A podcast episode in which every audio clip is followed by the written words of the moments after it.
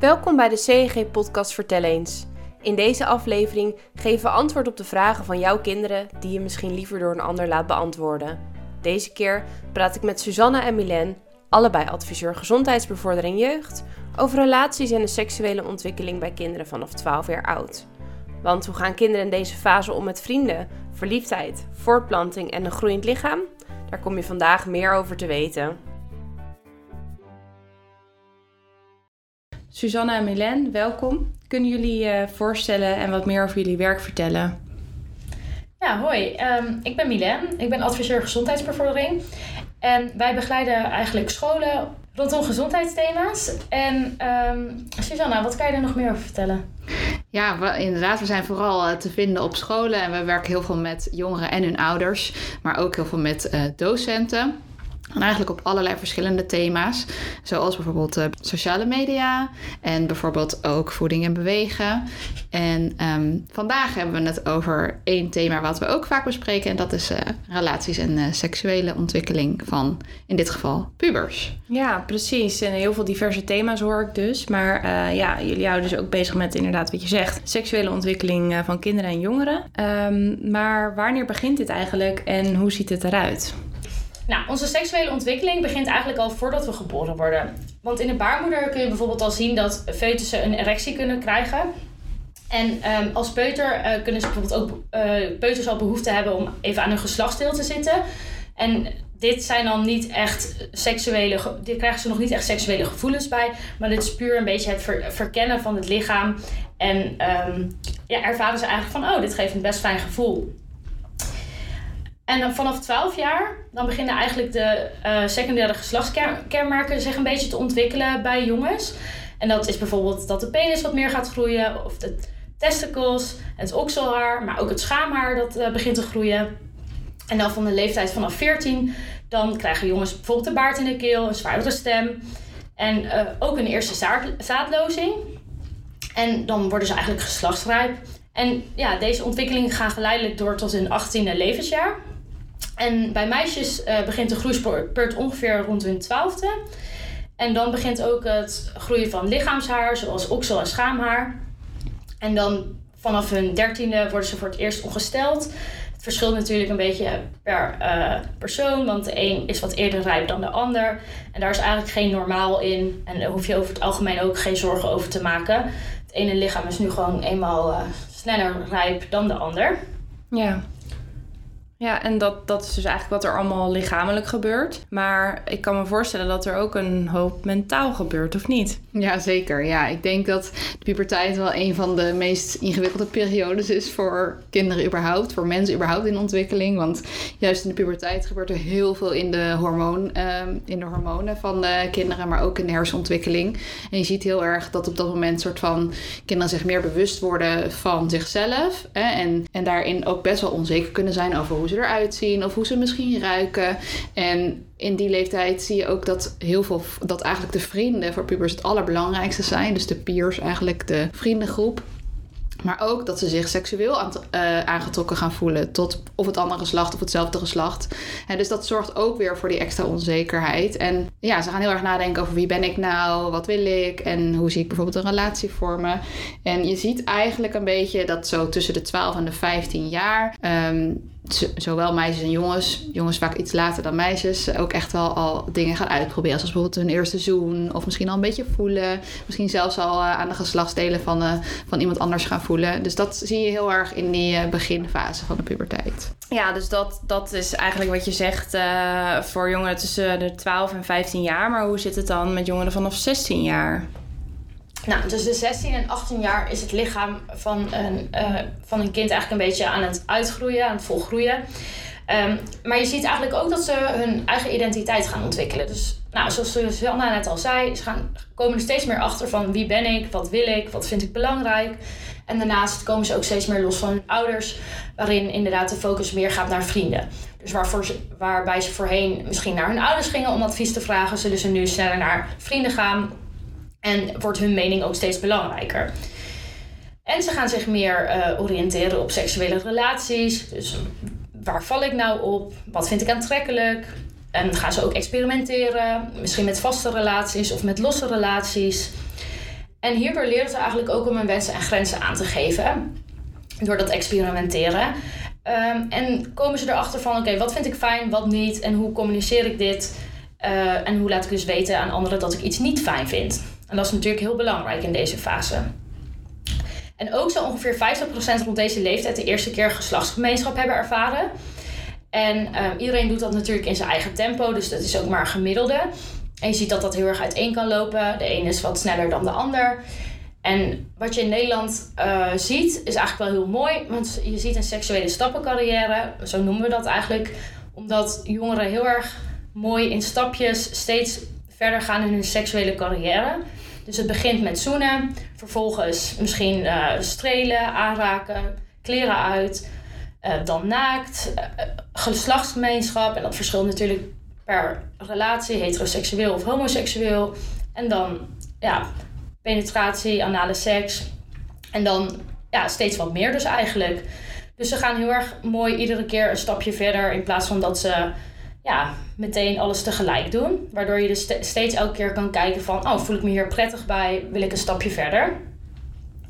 En dan ja, vanaf ongeveer 18 jaar dan zie je ook dat uh, naast dat de lichamelijke aantrekkingskracht, aantrekkingskracht heel belangrijk is, ook de emotionele aantrekkingskracht steeds belangrijker wordt. Uh, ze vinden het dus ook belangrijk van oké, wat, wat heeft mijn partner? Kan ik goed met hem praten? Kan ik onzekerheden met hem delen? Dus ook dat emotionele aspect wordt steeds belangrijker. Dat de partner ook meer een ja, steun moet zijn in plaats van alleen maar uh, aantrekkelijk eigenlijk. Ja, ja, precies. Dus eigenlijk, zoals ik nu een beetje begrijp, ontwikkelt dat emotionele zich dan later dan het uh, lichamelijke. Ja, zo zou je dat eigenlijk wel uh, kunnen zien. Oké. Okay. En uh, nou ja, dank je. En, en jullie kwamen met het idee om deze podcast op te nemen. Um, en het sluit eigenlijk een beetje aan uh, met wat jij net vertelde. Want uh, jullie vinden het heel erg belangrijk om hierover te praten. Maar waarom dan precies? Nou, daar wil ik wel iets over zeggen. Ik denk dat het vooral zeg maar, in deze tijd en eigenlijk in alle tijden belangrijk is om een soort van open sfeer te creëren over elk onderwerp. Hè. Dus niet alleen maar over bijvoorbeeld gezonde leefstijl, maar dus ook over relaties en seksuele ontwikkeling. En um, door juist een open sfeer daarover te creëren thuis, denk ik dat kinderen ook makkelijker kunnen snappen dat het iets is wat gewoon erbij hoort en niet iets wat soort van apart leven is, een soort van je normale leven en je seksuele leven of je relatie. En dat het daardoor ook makkelijker te herkennen is voor jongens en meisjes in de puberteit van wat is nou eigenlijk normaal of wat, wat is oké en wat is minder oké. Dus dat ze ook leren wat grenzen zijn, wat er wel en niet kan. En daarnaast weten we ook wel van bijvoorbeeld een aantal gezondheidsonderzoeken, zoals bijvoorbeeld de World Health Organization, dat het ook echt wel belangrijk is om aandacht te besteden aan de seksuele en relationele opvoeding. Omdat het ook risicogedrag later kan voorkomen. Hè? Als jongeren of überhaupt kinderen geen grenzen hebben geleerd ja. of niet weten wat normaal is, dan kan het ook zomaar zijn dat ze dingen gaan doen waarvan ze eigenlijk niet eens weten dat dat niet kan. Of dat misschien iemand anders daar last van kan hebben. Dus dat maakt wel dat het daarom voor ons wel echt cruciaal is om dit bespreekbaar te maken en te zorgen dat je als ouders zijn er daar ook vaker over in gesprek gaat. Ja, en ook eigenlijk aanhakend op wat, uh, wat jij net zei, Milen, van dat uh, pubers ook hun eigen grenzen aan anderen kunnen aangeven. Ja, precies. En zo uh, ja, verklein je eigenlijk het risico dat ze misschien slachtoffer worden van seksueel grensoverschrijdend gedrag. Ja, van beide kanten eigenlijk. Ja, ja. ja. En nou ja, uh, Suzanne, jij hebt net over dat, uh, dat ouders er dan met hun kinderen over kunnen hebben. Maar um, ik kan me voorstellen dat ouders het soms lastig vinden om hiermee om te gaan. En uh, nou, Milen, jij vertelt net zo lekker allemaal nuchter. Maar ik kan me voorstellen dat sommige ouders ja, dat misschien een taboe erop vinden of, of ja, iets anders. Um, hebben jullie misschien wat tips wat ze kunnen doen en hoe ze bijvoorbeeld het gesprek aan kunnen gaan? Jazeker. Ja, in, ik begrijp het inderdaad. Het is natuurlijk een lastig onderwerp en mensen voelen zich, zich heel vaak ook niet helemaal comfortabel bij. En dat hoor ik inderdaad vaker. Niet iedereen praat er even makkelijk over en iedereen heeft ook een andere uh, seksuele opvoeding gehad zelf. Dus dat maakt natuurlijk ook of je er misschien zelf makkelijker of niet makkelijker over praat.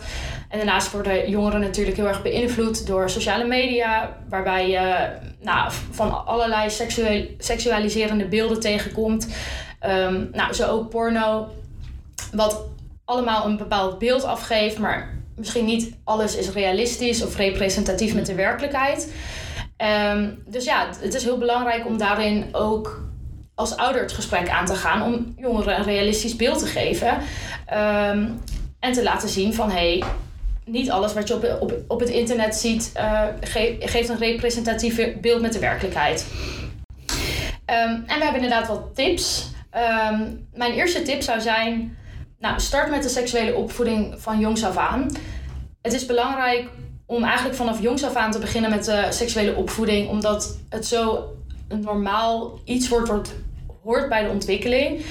En we moeten het eigenlijk niet zien als, een, als seksuele voorlichting, als een momentopname, maar juist iets als, als waar je mee begint vanaf heel jongs af aan en structureel um, ja, in bed in de opvoeding. Als ouder is het ook goed om te weten dat je vaak twee jaar achterloopt op de seksuele ontwikkeling van je kind, um, dan dat je dus denkt dat uh, hoe ver je kind is. Dus dat is ook goed om mee te nemen in je achterhoofd als je het gesprek aangaat met je kind. Als je denkt van hé, hey, ik denk niet dat hij of zij er al klaar, mee, klaar voor is. Nou, vraag het. Bespreek het en um, hoogstwaarschijnlijk zijn, zijn ze er toch al aan toe. En als ze er niet aan toe zijn, dan zullen ze het zelf ook aangeven. Ja, en inderdaad even als voorbeeld hè, van dat je denkt van nou mijn kind is nog niet zo ver. Niet alles wat ze zeg maar doen heeft bij hun dan een soort van seksueel getinte lading. Maar dan zijn ze wel aan het experimenteren met elkaars lichaam. Of inderdaad al iets aan het onderzoeken. Terwijl hè, dat voor hun gewoon een soort van is van oh dit is gezellig. Of ze nog geen, eigenlijk niet een idee hebben dat wij dat zien als seks. Of misschien zelfs overschrijdend gedrag. Hè. Dat zie je vaak ook op school. Of dat, ja, dan voor kinderen is dat, heeft dat helemaal nog niet zo'n lading. Terwijl wij dan meteen denken oh help wat hebben ze nou gedaan. Ja, goeie. Ja. Ik kan me voorstellen dat sommige kinderen het gênant vinden om het daar met hun ouders over te hebben en, en niet dat gesprek aan willen gaan. Ja. Want jullie zeggen net, nou ja, start vanaf jongs af aan en zoveel mogelijk eigenlijk normaliseren.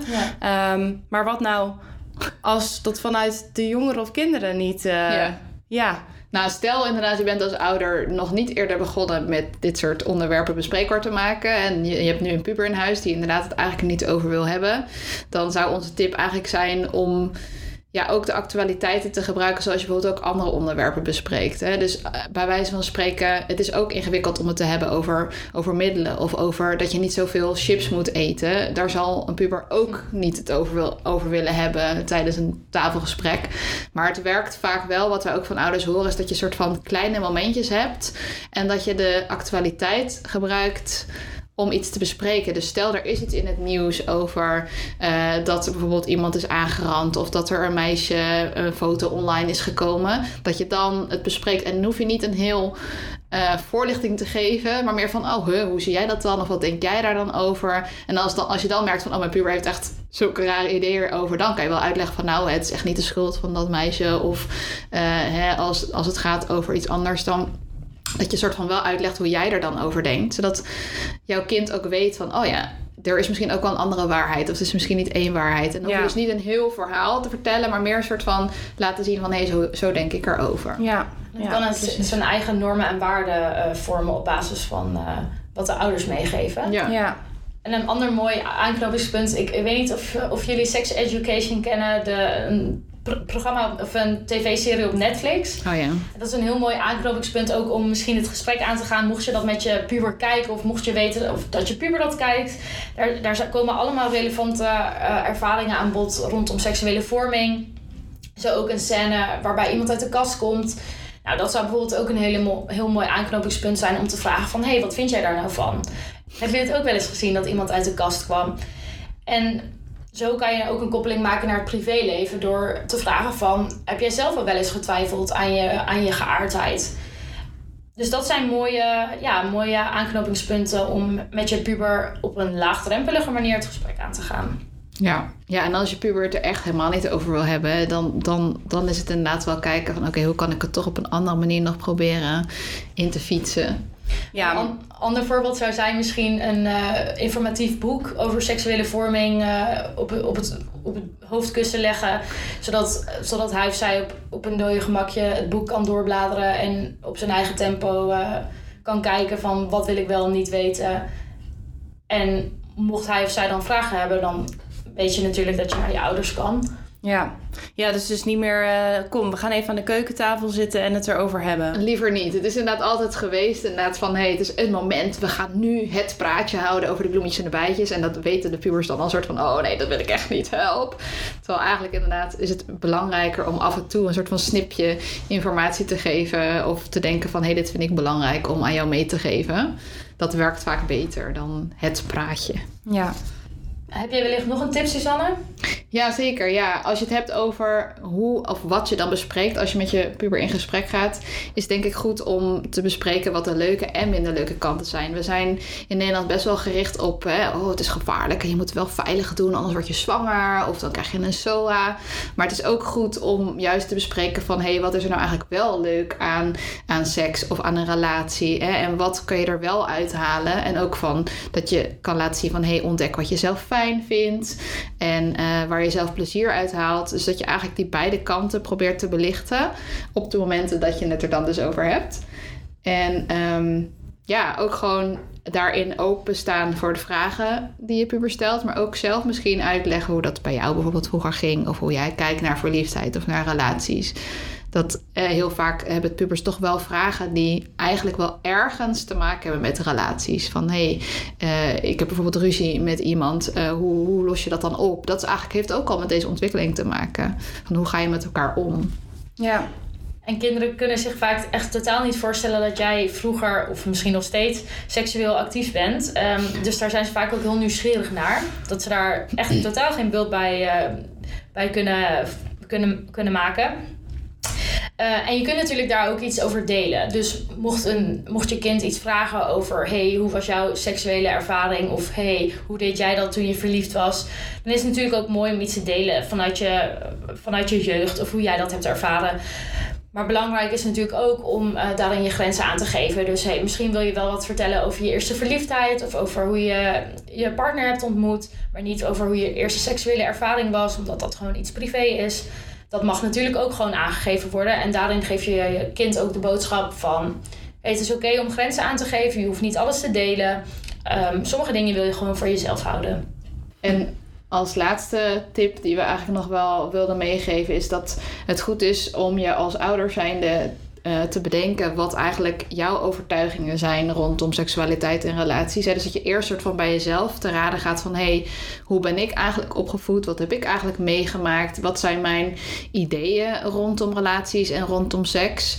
Uh, omdat je vanuit daar ook makkelijker zeg maar je kan inleven in je puberzijnde, maar ook makkelijker kan aangeven waar jij het wel of niet over wil hebben. Zodat je eigenlijk niet wordt overvallen door vragen als van... Hey, wel, heb je nu nog steeds seks, mam? Of uh, heb je nu nog steeds uh, seks, papa? Waarom doen jullie dit nog steeds? Dat zijn dingen waar je, als je dat van tevoren al hebt bedacht... je ook makkelijker dan kan bespreken als er daadwerkelijk wel vragen over komen. Um, en stel nou dat je bijvoorbeeld een antwoord niet weet op een vraag... kan je natuurlijk ook altijd gewoon aangeven sorry, maar ik weet het antwoord nog niet. Uh, laten we het samen opzoeken of ik uh, kom hier later nog op terug. Je hoeft niet altijd meteen het antwoord te geven, zeker als je daar misschien onzeker over voelt. Dus dat zou eigenlijk denk ik de laatste tips zijn hierover, over hoe en wanneer je in gesprek kan gaan. Uh. Nou, super, dankjewel. Heel praktisch en waardevol ook, denk ik. Um, ja, we krijgen regelmatig vragen van ouders. ja, hoe zijn met bepaalde dilemma's om moeten gaan thuis. Uh, en hoe ze dit thema bespreekbaar kunnen maken. Uh, ook voor deze podcast zijn er weer een aantal vragen die ik graag met jullie uh, zou willen bespreken. Ja, prima. Um, een ervan is van Margriet. Zij geeft aan: Mijn zoon is 14 en heeft een vriendinnetje. Ze hebben nu ongeveer een half jaar verkering. En ik merk dat ze al best wel volwassen zijn in hun liefde naar elkaar. Ik zou daarom graag met mijn zoon het gesprek willen aangaan. Maar hoe doe ik dit? Nou ja, heel grappig natuurlijk, omdat we het net over hebben gehad. Ja. Um, maar ja. Nou ja, als eerst zou ik zeggen, zoek een vorm waar je je prettig bij voelt. Dus als dat voor jou aan de keukentafel is, bespreek het aan de keukentafel. Als dat voor jou is, als jullie samen met uh, de hond aan het wandelen zijn... of überhaupt gewoon een wandeling aan het maken zijn... Of misschien als je in de auto samen zit, omdat je... Dat, mensen vinden dat vaak ook prettig, omdat je elkaar dan niet direct in de ogen aankijkt. Het is net wat minder, uh, ja, minder ongemakkelijk voor sommige ouders. En daarnaast zou ik zeggen, wees eerlijk naar je kind. Geef ook aan dat je begrijpt dat het lastig kan zijn om erover te praten. En dat je het belangrijk ook vindt om er samen een gesprek over te hebben.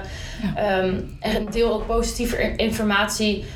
eh, waarbij je dus niet te veel nadruk legt, zoals Susanna al zei, eh, over ja, de risico's en, eh, Ja. van zwangerschap en SOA's, maar juist op het, op het plezier en het en wederzijdse toestemming, dat dat heel belangrijk is. Ehm, en misschien ook goed om betrouwbare websites of informatieboekjes eh, te delen met je kind, zodat je kind ook weet welke bronnen hij of zij kan raadplegen. Ja, en wat is dan een voorbeeld daarvan? Bijvoorbeeld van een betrouwbare website voor wat jij nu zo eh, weet? Eh Sense.info. En we hebben nog een aantal websites die we ook adviseren vanuit de GGD. Ja, de, de website die we het meest gebruiken is wel sense.info, omdat het ook heel erg gericht is op jongeren en ook echt voor hun informatie geeft. We hebben ook onze eigen website, hoe zit dat, .info. Oké, ehm, nou ja, een andere stelling eigenlijk eh, die we hebben geformuleerd, ehm, naar aanleiding van een aantal vragen, is, ehm, is het volgende. Eh, het is niet normaal als je kind op zijn of haar zestiende nog niet heeft gezoend. Ah ja, nou, daar hebben we het natuurlijk in het begin ook al wel een beetje over gehad. Hè. Er is altijd wel een gemiddelde leeftijd waarop kinderen bijvoorbeeld met zoenen of met voelen of eh, strelen beginnen. Maar er is zeker geen standaard voor. En ik denk ook dat er genoeg kinderen zijn die daar later mee beginnen of juist eerder mee beginnen.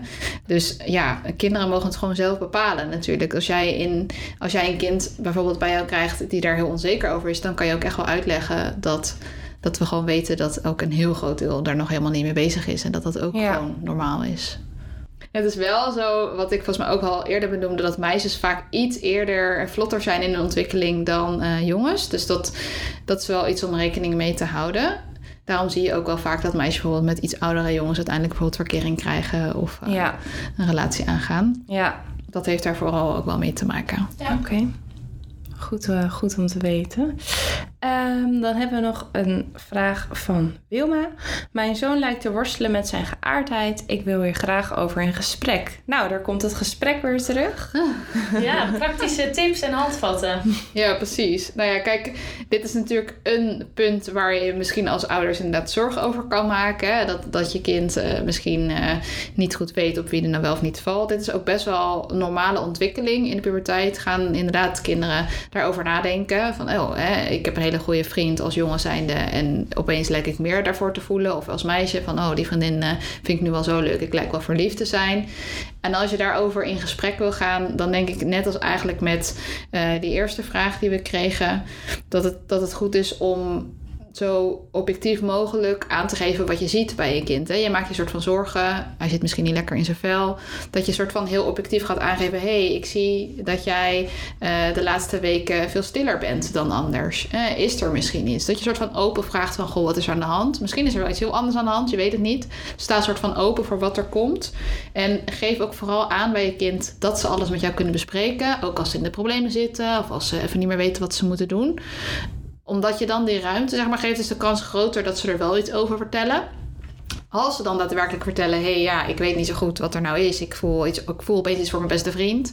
Dat je dan aangeeft: nou, wat fijn dat je dat met mij wilt bespreken. We kunnen er even voor gaan zitten. Of wil je dat nu doen? Dat je ook een soort van de ruimte geeft van op welke manier die dat dan wil bespreken. En ja, en als ze dan daadwerkelijk in gesprek gaan, ook wel aangeven dat twijfel erbij hoort. Dus dat het ook nor- normaal is dat je je misschien anders voelt of niet weet wat je voelt. En dan Ja. misschien ook wel nog veranderd. Dus Ja. misschien vind je nu even een jongen leuk, maar misschien straks weer een meisje. En je hoeft ook niet meteen jezelf in een hokje te plaatsen of het meteen te labelen als ik ben, Ja. ben dit of ik ben dat. Ehm, dat is gewoon een zoektocht en daar mogen ze ook alle tijd voor nemen. En dat is ook goed om bij je kind eh, aan te geven, zodat ze de- daar de ruimte voor voelen. Ehm, en ik denk dat het ook belangrijk is als ouder om te laten voelen dat je je kind steunt. Dus niet meteen een oordeel vellen of je, eh, ja, je gevoelens rondom risico's te uiten. Dus misschien dat, dat je kind, mocht hij homoseksueel zijn, dat hij te maken kan krijgen met pestgedrag. Want dan steek je het meteen heel zorgelijk in. Terwijl het is denk ik goed om meteen aan te sluiten bij de behoeften van het kind. Namelijk een gesprek voeren over, over zijn onzekerheden. Ja, Voordat je meteen eh, alle moederlijke gevoelens of vaderlijke gevoelens op tafel gooit, die natuurlijk heel logisch zijn en heel erg eh, eh, ja, aanwezig kunnen zijn. Ehm, maar niet altijd meteen handig om die meteen bij je kind neer te leggen. Nee, precies. En ook wat misschien mooi is om inderdaad ook te vragen aan je kind van... hé, hey, wat doet het nou met je? En ook op dat gevoel in te spelen. Voelt hij zich misschien ook eenzaam in dit gevoel? Of heeft hij het al met vriendjes of vriendinnetjes gedeeld? Of ben ik de eerste tegen wie je het vertelt? Dat zijn wel ook mooie vragen die je kan stellen tijdens zo'n gesprek. Ja, en is het dan bijvoorbeeld ook handig om als ouder zijnde uh, te vragen naar de verwachting ten opzichte van jou als volwassene? Zeker, ja. Je kan inderdaad ook altijd zeggen, wat heb je van mij nodig? Of kan ik iets voor jou doen? Of, ja. of zullen we het hier een keer nog een keer over hebben? Of kom je zelf naar mij toe als er iets is? Zeker, dat kan je, daar kan je een puber zeker wel ook die verantwoordelijkheid bij je puber al neerleggen. Juist, denk ik. Ja. Ja, ja, dat vroeg me inderdaad af, omdat je heel vaak natuurlijk bij jongere kinderen zelf al bedenkt van nou, dit is het best voor mijn kind. Maar pubers krijgen natuurlijk veel meer hun eigen ja. ja, je hebt als ouders eh, met van pubers gewoon iets meer een coachende rol. Hè? Dus je bent inderdaad iets meer soort van aan het doorvragen van... goh, wat zou jij dan willen? En hoe zie jij dat dan voor je? In plaats van dat jij gaat invullen inderdaad voor je puber van... nou, uh, je, je zal nu wel moeten gaan opletten op school. Of uh, ja. dat werkt meestal niet zo goed mee. Ja, ja precies. Um, dan heb ik nog een andere stelling. En... Um, ja, dit is natuurlijk een veel voorkomend iets. Wat foto's uh, op het internet ja, rond, uh, rondzwerven waarvan je eigenlijk liever niet had gewild dat die daar zouden zijn. Ja. Um, daar kregen we ook wat uh, ja, vragen over en is ook een stelling uit geformuleerd. geformuleerd. En um, dat is het is je eigen schuld als je een foto van jezelf online plaatst en deze veelvuldig gedeeld wordt. Hoe zien ah, jullie ja. dit? Ja, dat is, een, dat is een vraag die we ook heel vaak in de klassen stellen als wij lesgeven aan uh, pubers. En daarin zijn we altijd best wel duidelijk dat een foto naar iemand anders doorsturen in vertrouwen, dat is gewoon normaal. Dat, hoort er ook eigenlijk gewoon bij in de ontwikkeling. Hè. Dat valt ook onder experimenteren. Maar als, als een foto van jou zonder toestemming wordt doorgestuurd of als dat vertrouwen wordt geschaad, dan is dat zeker niet je eigen schuld. Hè. Dus dat is wel wat wij altijd proberen uit te leggen aan de jongeren ook. Van nee, als jouw foto opeens over het internet surft, is dat in geen geval jouw schuld. Uh, het is natuurlijk wel zo dat je ermee gepest kan worden. Dus het is gewoon best wel lastig om dan daar een advies op te geven van hé, hey, dan moet je maar beter geen foto's sturen. Dus dat is wel altijd inderdaad een lastig dilemma. Maar het is in ieder geval niet de schuld van degene die het heeft geplaatst. Nee, zeker niet. En we noemen dat ook uh, victim blaming. Ja, het zit eigenlijk al in de naam. Dus het schuldgeven van het slachtoffer. En dat heeft natuurlijk wel schadelijke gevolgen als je dat doet. Um, en ik denk dat het daarnaast ook belangrijk is om mee te geven dat het, als je, weet je, het sexting gebeurt nou eenmaal en jongeren zijn nieuwsgierig en willen experimenteren. Maar dat je ze meegeeft van hoe kan je dat nou op een veilige manier doen en hoe weet je nou naar wie je je foto stuurt. Dus dat je zorgt dat ze weten van wie, naar wie stuur ik het, wie, wie, wie is dat, ken ik deze persoon ook in het echt of ken ik deze persoon alleen online.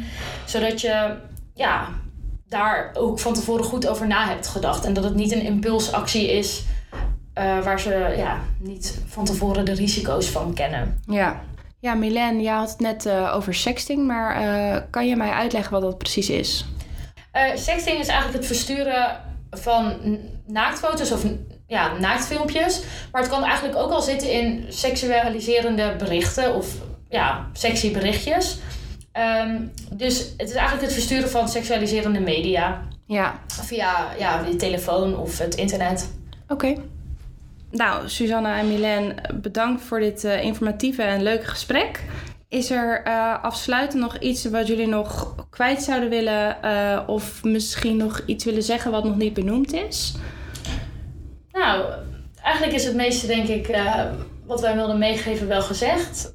Um, wat misschien nog goed is om te zeggen is als jullie vragen hebben, kunnen jullie altijd mailen naar cgpodcast.ggdhm.nl ook als je nog leuke ideeën hebt voor de podcast, want we gaan misschien in het vervolg nog weer een podcast opnemen, mag je die altijd insturen. Ja, dit was natuurlijk best wel nog een algemene podcast hè, over de ontwikkeling en een aantal vragen. En wij vinden het ook leuk om podcast te maken, echt specifiek die wat dieper ingaan op bijvoorbeeld één bepaald onderwerp. Dus dat kun je altijd inderdaad aan ons, uh, aan ons doorgeven. Ja. En, en jullie geven nu aan van uh, als er vragen zijn over de podcast, maar stel nou dat ouders naar aanleiding van dit onderwerp nog, uh, nog vragen hebben inhoudelijke vragen? Ja. ja, als je dus zelf zeg maar inhoudelijke vragen hebt, bijvoorbeeld over opvoeding of over dit thema, kun je altijd een gesprek aanvragen met de jeugdverpleegkundige bij, uh, bij je kind op school. Hè. Dus die is altijd uh, daarvoor beschikbaar. En anders kan je natuurlijk ook altijd bij je huisarts navragen, als het bijvoorbeeld meer de lichamelijke kanten zijn waar je je misschien zorgen op maakt bij je kind. Ja. Maar ja, ik denk vooral de opvoedvragen dat het dan wel uh, bij de rechtsverpleegkundige via school het handigst is om daar naartoe te gaan. Ja, oké. Okay. Sluit ik me helemaal bij aan. Nou, super. Dankjewel voor jullie komst. Ja, graag gedaan. Ja, graag gedaan. Geen probleem. Dit was een aflevering van de serie Vertel eens. Vond je deze podcast leuk? Like deze dan door op het hartje te klikken en volg ons op Facebook om op de hoogte te blijven van nieuwe podcasts.